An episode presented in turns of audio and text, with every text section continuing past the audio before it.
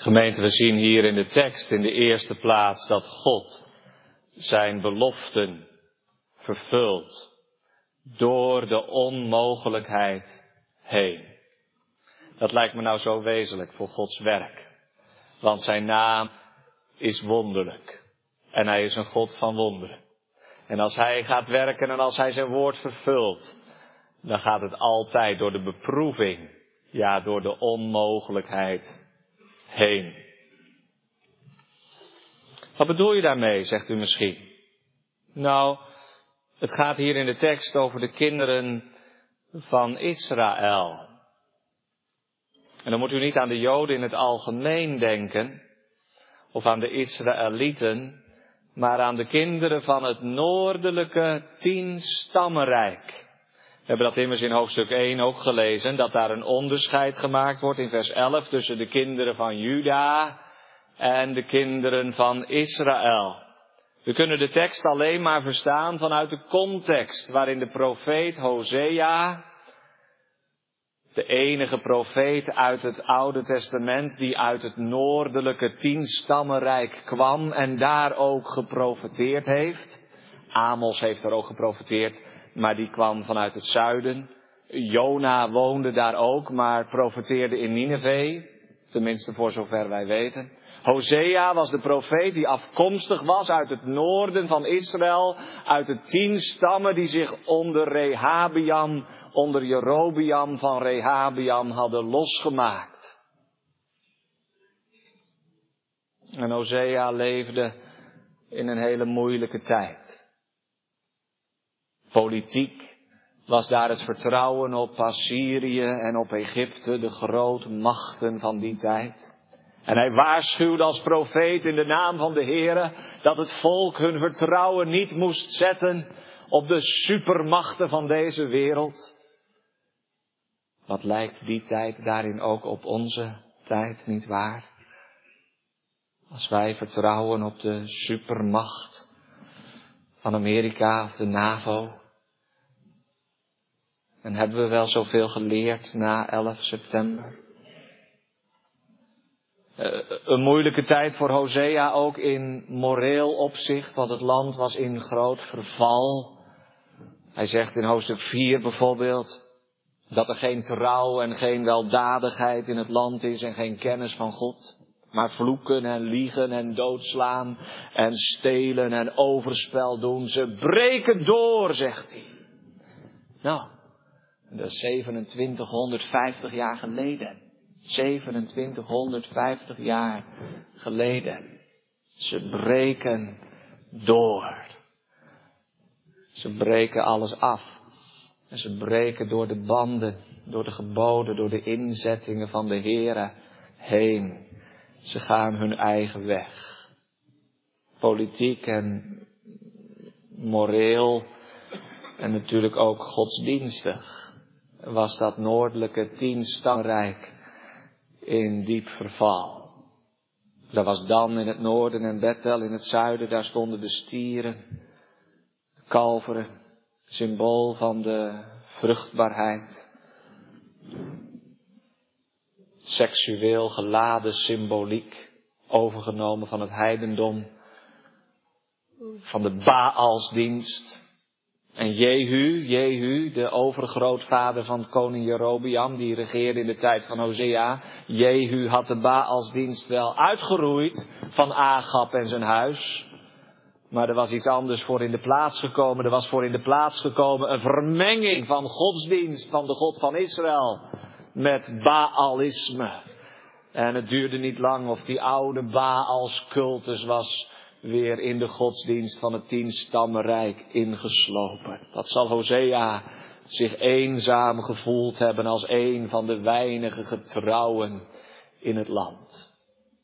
Een boeteprediker.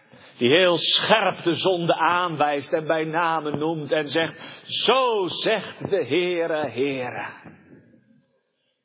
Een man van het woord, die het mes erin zet.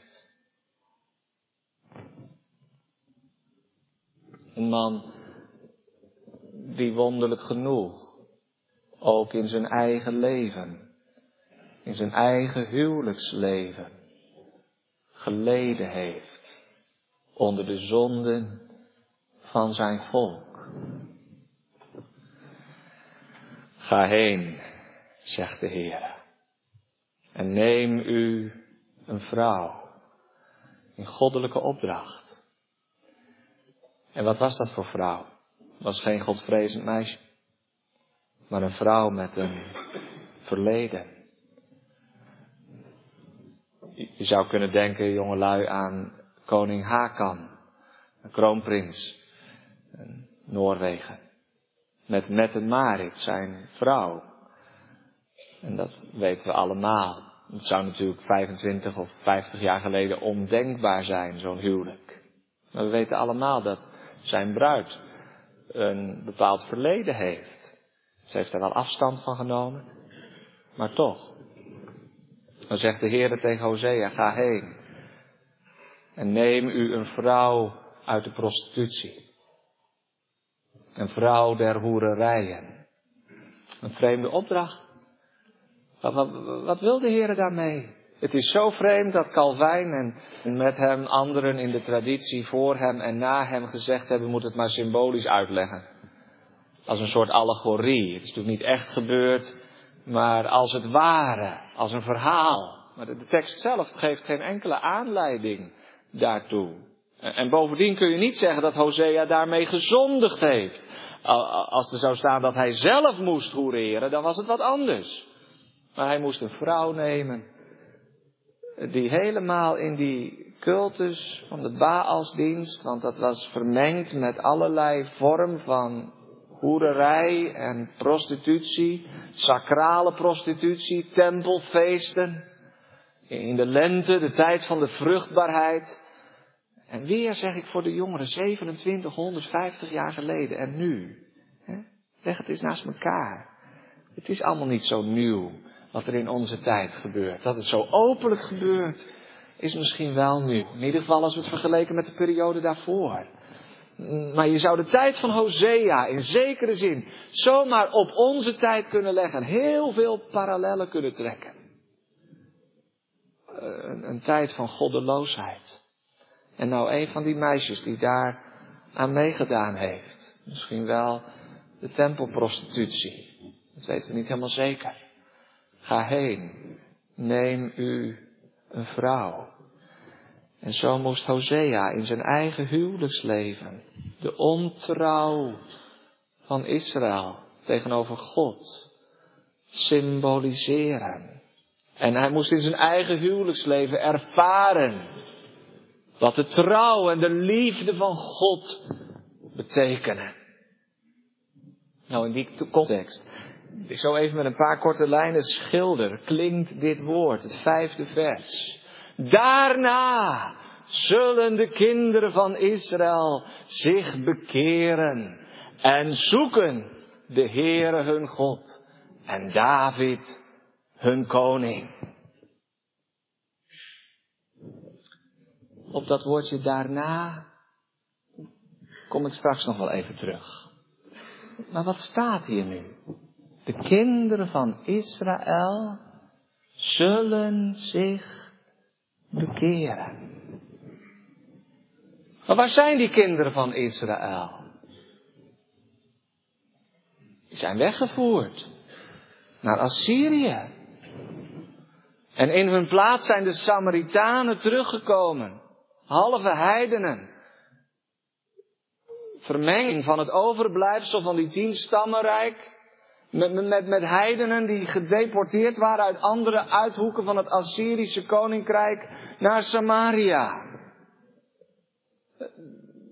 En waar zijn die kinderen Israëls dan gebleven? Er zijn allerlei theorieën die zeggen dat uh, in Engeland en in Nederland en in Denemarken, Danmark, dat zou dan de stam van Dan zijn, dat, dat in, dat in West-Europa die tien stammen als het ware voortbestaan. Nou, er is geen enkel bewijs voor.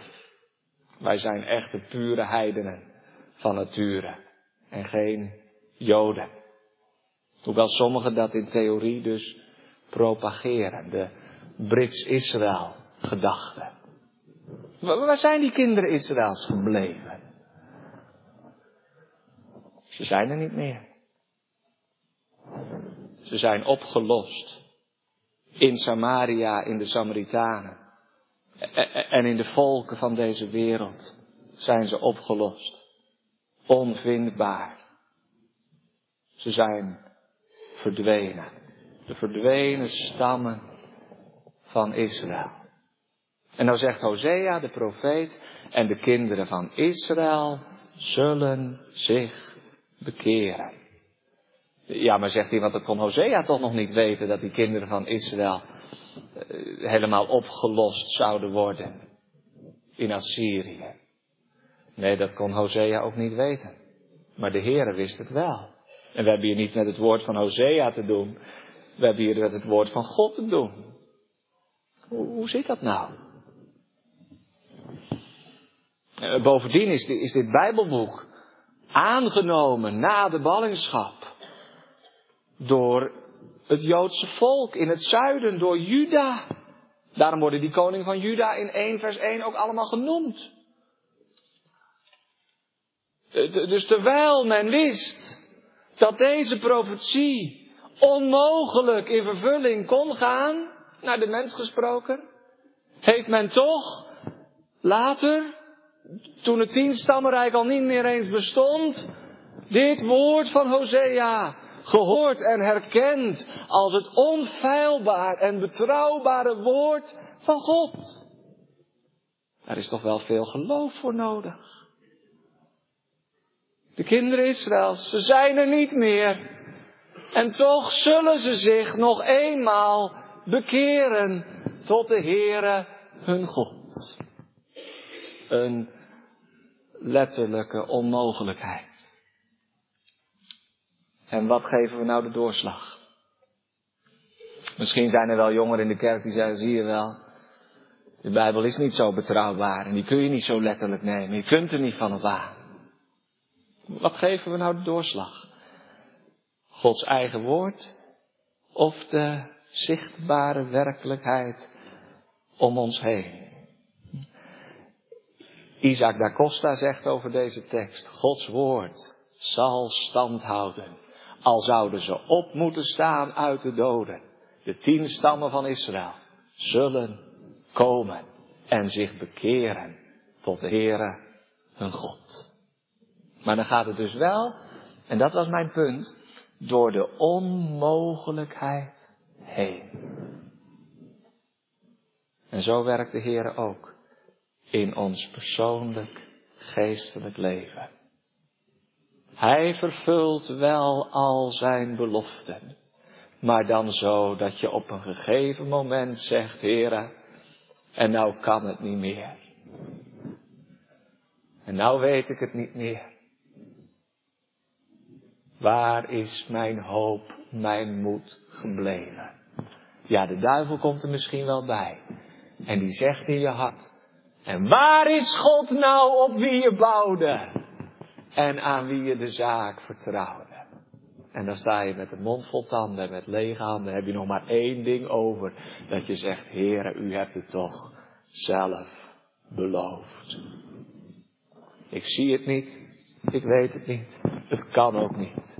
Maar op uw woord heb ik gehoopt. God vervult al zijn beloften door de onmogelijkheid heen. En dan in de tweede plaats, God vervult al zijn beloften op zijn tijd en op zijn wijze. Dan zegt iemand, ja, u moet me toch even helpen, want hoe, hoe is dat dan? Hoe kan dan die onmogelijke belofte nog in vervulling gaan? Of is die belofte misschien al in vervulling gegaan? Ja, beide. Die belofte is reeds vervuld en zal ook nog in vervulling gaan. Maar eerst nog even iets over dat persoonlijke leven van Hosea. Want dat, dat heeft met dit punt alles te maken en dat is zo in de hoofdstukken die we gelezen hebben ook met elkaar verweven. Wat gebeurt? Gomer, de naam van Hosea's gevonden bruid. En Hosea, zijn in het echt verbonden. En misschien hebben ze in het begin ook nog wel zich gelukkig gevoeld met elkaar. Hosea hield van haar. Dat lezen we in de schrift. Zij niet zo van hem. Dat blijkt wel later. Maar er kwam een kind. En, en hij noemde zijn naam Israël. Naar dat dal in het noorden van Israël waar de eindstrijd zou plaatsvinden. En in die naam Israël klinkt iets door van de dreiging, van het naderende oordeel. Dan lezen we in hoofdstuk 1, uh, wordt er een tweede kind geboren, een dochter. En die dochter krijgt de wonderlijke naam Lo Ruchama. Wat betekent geen ontferming. Ik zal mij niet meer ontfermen over het huis van Israël, maar ik zal ze zeker wegvoeren. En dan komt er een derde kind. Als ze Loruchama gespeend had, baarde zij een zoon. En de Heere zei, noem zijn naam Lo Ami, niet mijn volk. Want gij zijt mijn volk niet, zo zal ik ook de uwe niet zijn. Van wie waren die kinderen?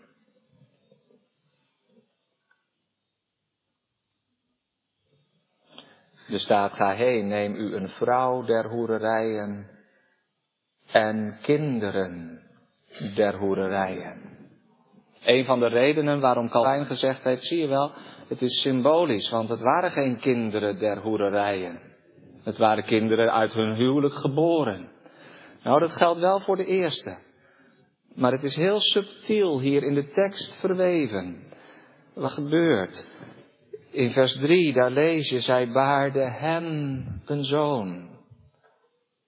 En in vers 6, dat meisje Lo Ruchama, van wie is dat kind? Zij baarde een dochter. Het staat er niet met zoveel woorden dat dat kind uit overspel geboren zou zijn. Maar juist omdat het er niet bij staat van wie dat kind is, wordt het wel hier in de tekst heel subtiel gesuggereerd.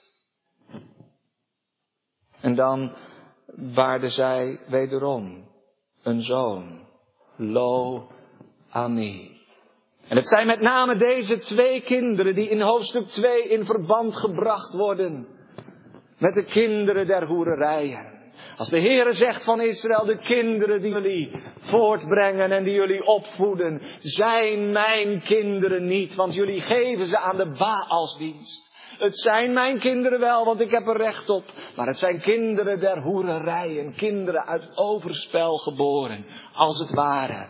Kijkt God uit de hemel zo naar dat ontrouwe en overspelige volk.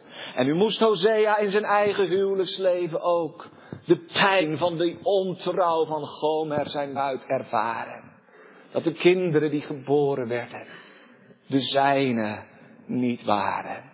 En toch, kun je dat voorstellen, ook even puur menselijk? Toch heeft Hosea niet gezegd tegen Gomer, eruit! Ik wil je nooit meer zien. Misschien heeft hij het wel gevoeld, gedacht. Maar hij heeft ze genomen. Een vrouw der hoererijen en kinderen der hoererijen. Als zijn eigen kinderen. Gomer heeft de oude draad van haar leven weer opgepakt. Gomer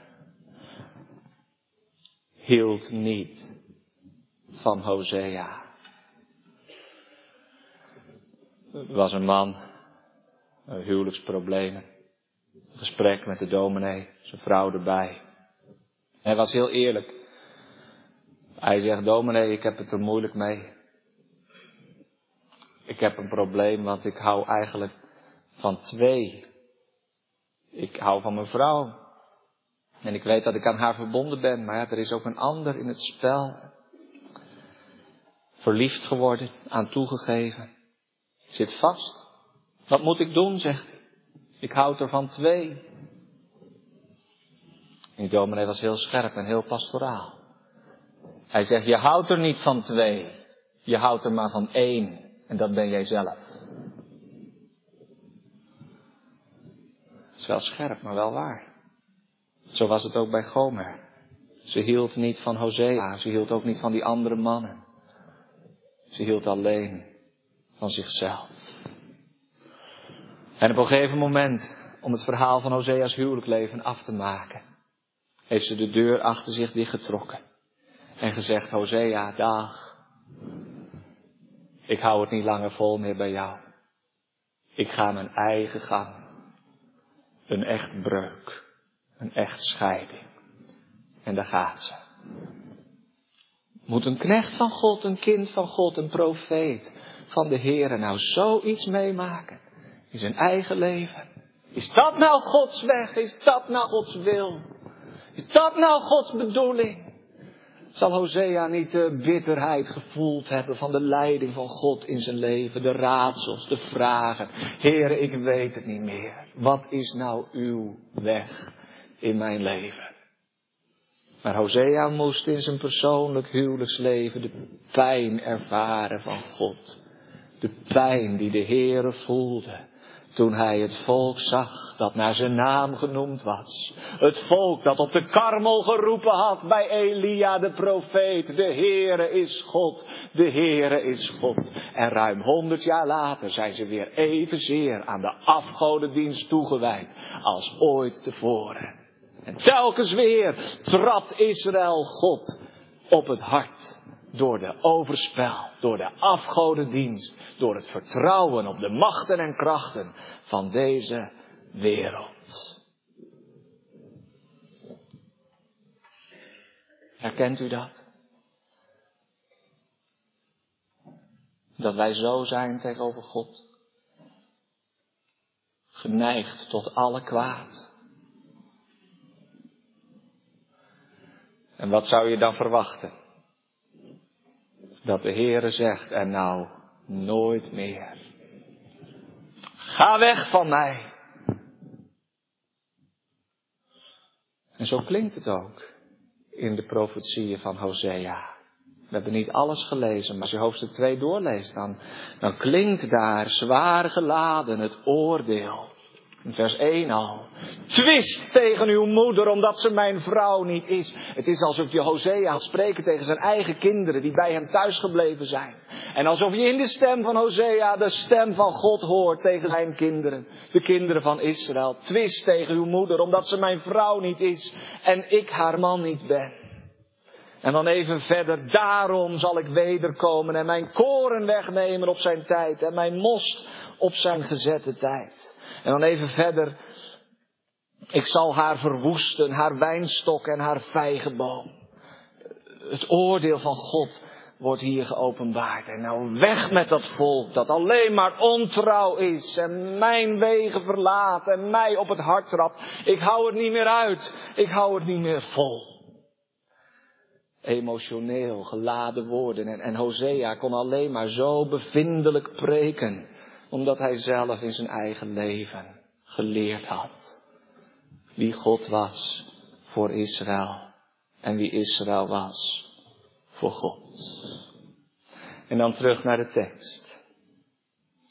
Daarna zullen de kinderen van Israël zich bekeren tot de Heere hun God en tot David hun koning.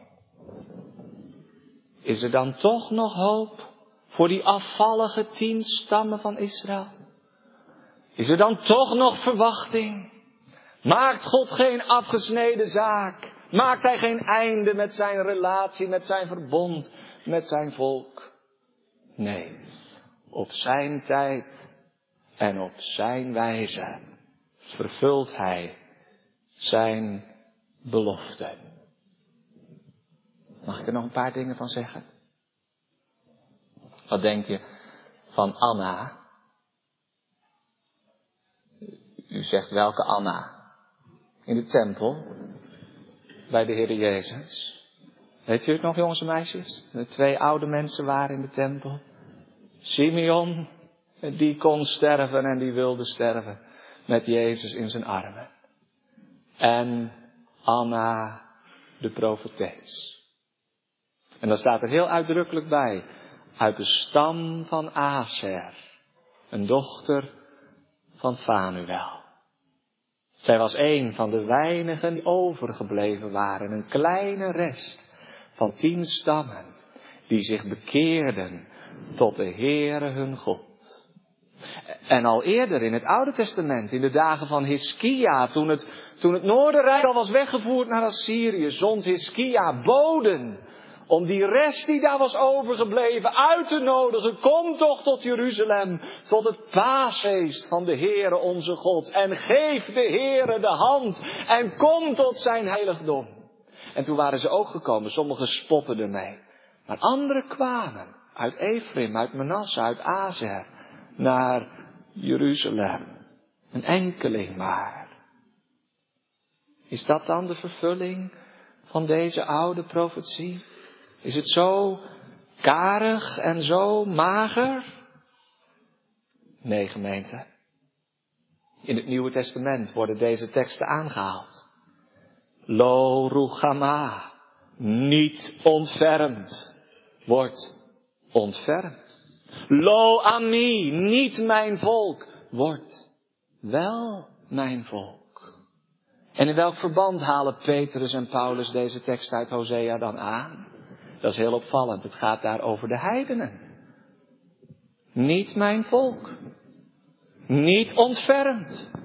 Eertijds in de duisternis van het heidendom aan het ronddwalen en aan het rondzwerven. Maar nu, nu het evangelie verkondigd wordt aan alle stranden, tot aan de uiterste einden van de aarde, nu geroepen en ingelijfd in Israël.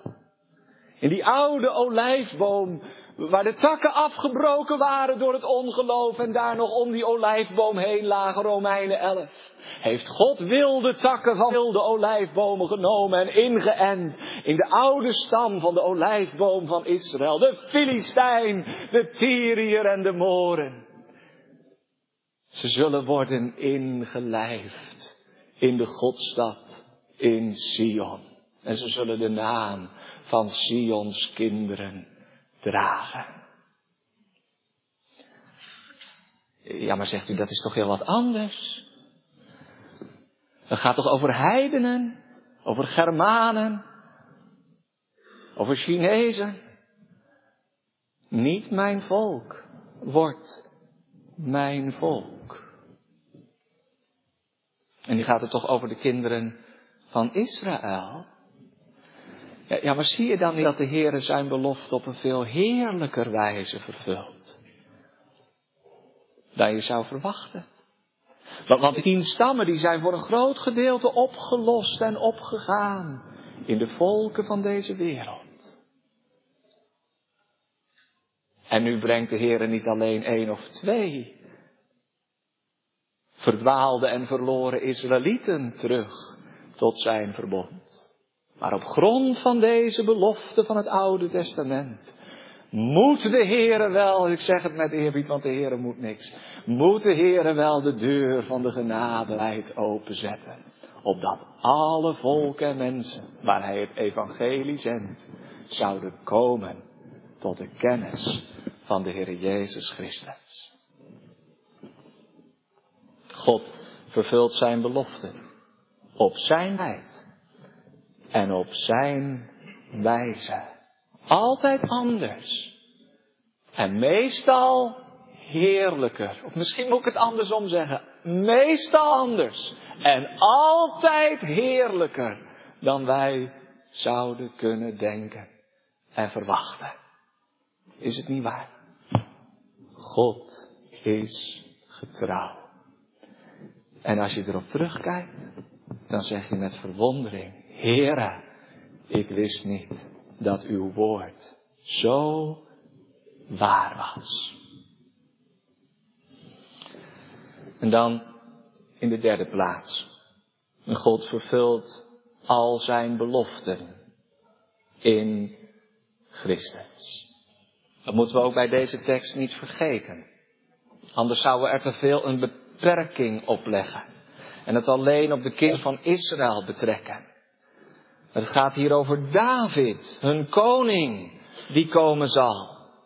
En in, vers, in de laatste verse van hoofdstuk 1 hebben we al gelezen dat de kinderen van Juda en de kinderen van Israël samen vergaderd zullen worden. En zich een enig hoofd stellen en uit het land optrekken. Dus er is nog hoop voor die tien stammen en voor die twee stammen. In het laatste der dagen, in de komst van de Messias, dan zal de grote wending plaatsvinden. En dan zal de Heere zich over zijn volk ontfermen, zoals nooit tevoren. Al de beloften die er zijn, die zijn in Christus ja, en in Hem amen. Buiten Hem niet. De belofte, ook de belofte voor Israël, gaan in vervulling, in verband met en in relatie tot de komst van de Heer Jezus Christus. Zijn eerste komst in vernedering en zijn tweede komst in heerlijkheid. En dat moeten we ook niet vergeten als we denken aan Israël nu. Liefde voor Israël, voor het land, voor het volk en ook voor de staat. Liefde voor Israël is onze hoge roeping. Ook nu Israël weer in de verdrukking komt. Maar we moeten land, volk en staat nooit loskoppelen van de Zoon, van de Messias, van Christus. En we moeten altijd beseffen dat dat land en volk en zeker de staat Israël nu voorlopig zijn. God heeft grote dingen gedaan en zijn volk weer vergaderd uit alle landen van de wereld. Een bewijs van de waarheid van zijn woord.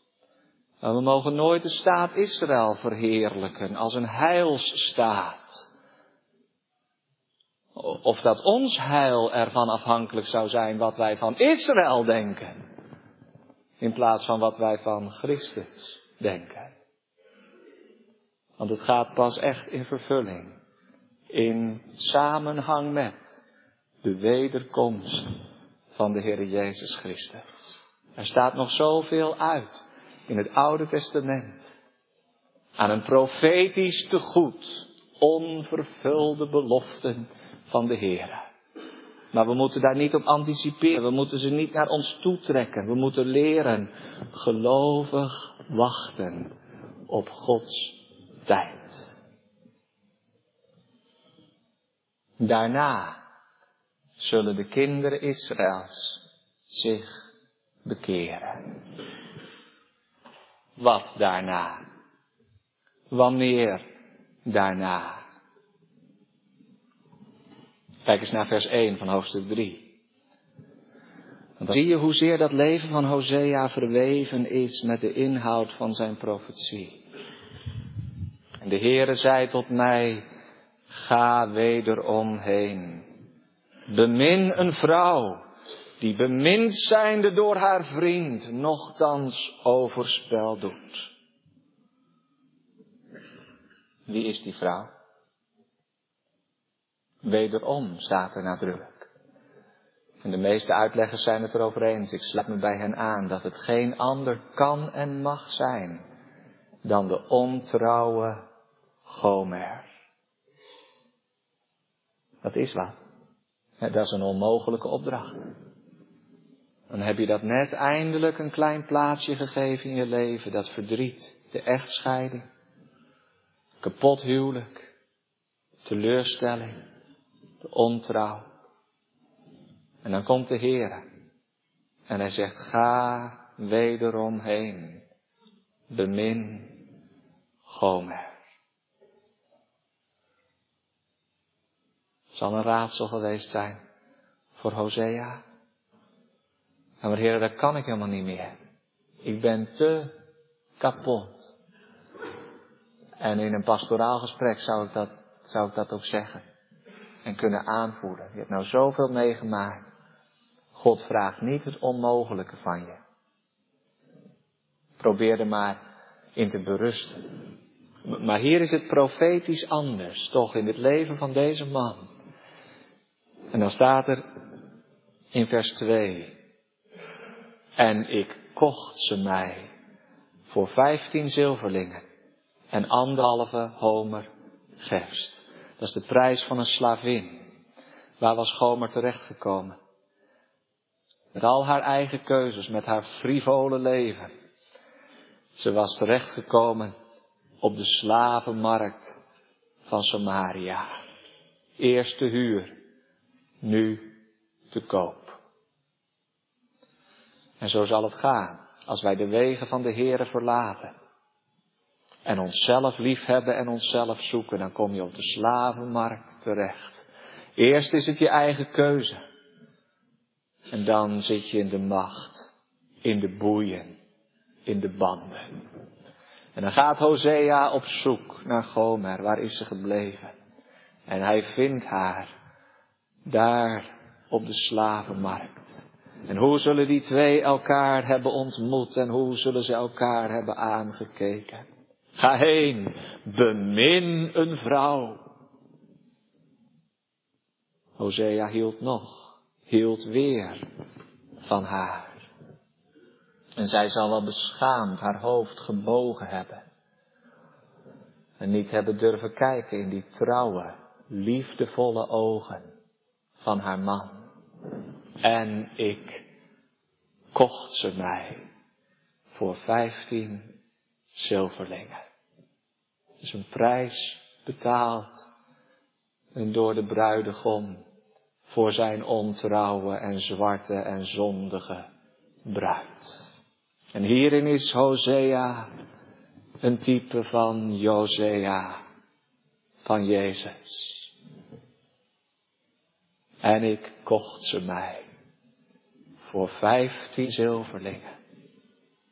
En niet met zilver of goud, maar met zijn dierbaar bloed. Voor al onze zonden volkomen betaald. Ziet u de lijn vanuit het Oude Testament? naar het nieuwe. Van Hosea naar de Heer Jezus Christus. En dan is er in hun huwelijk eerst een tijd van onthouding. Misschien is dat ook heel praktisch, heel verstandig geweest.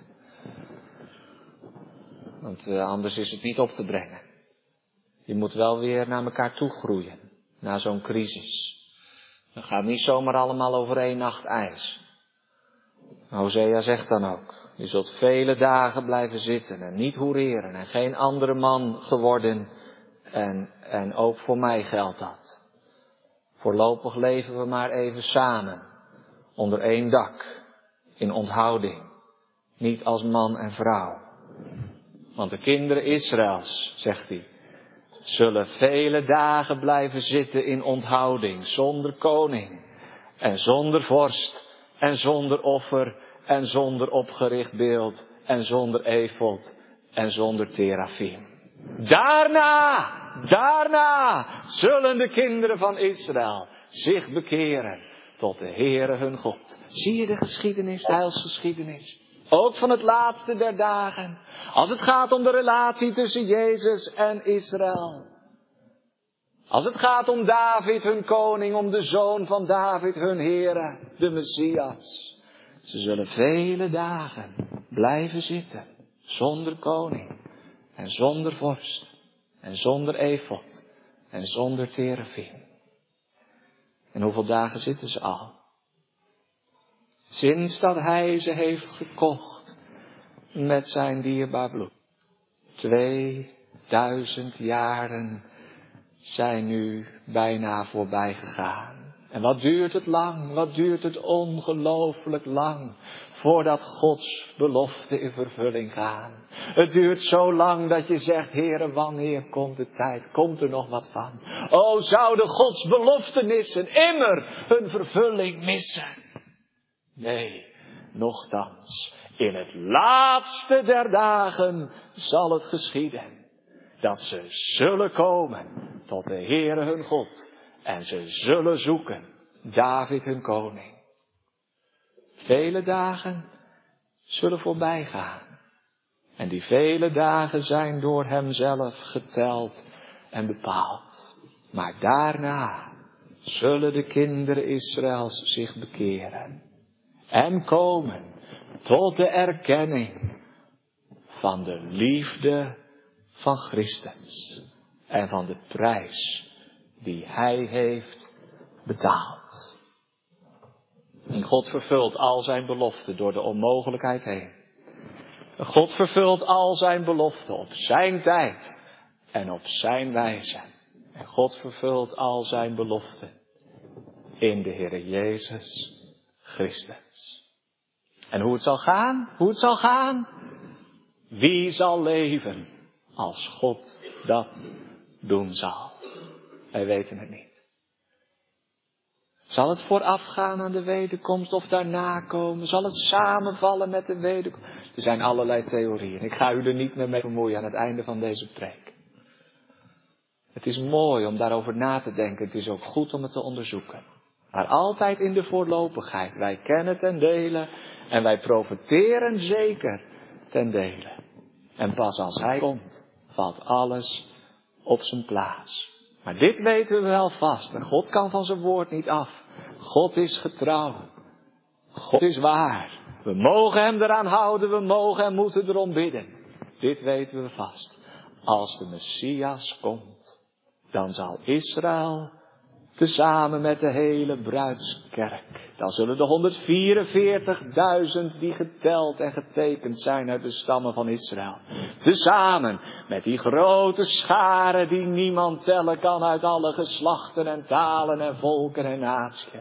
Tezamen zullen ze hem ontvangen. Ja, hem tegemoet gaan in de lucht. En ze zullen het uitroepen, halleluja. Geprezen zij het lam van nu aan tot in alle eeuwigheid. God vervult al zijn beloften in en door de Heer Jezus Christus. En dan is er maar één vraag. Ook in je persoonlijk leven. Ook als je in de onmogelijkheden zit. Ook als je Gods tijd en Gods wijze niet verstaat heb je genoeg aan de zoon? Heb je genoeg aan de zoon? Want in hem zijn al de beloften van God vast en zeker. Ja en amen. Amen.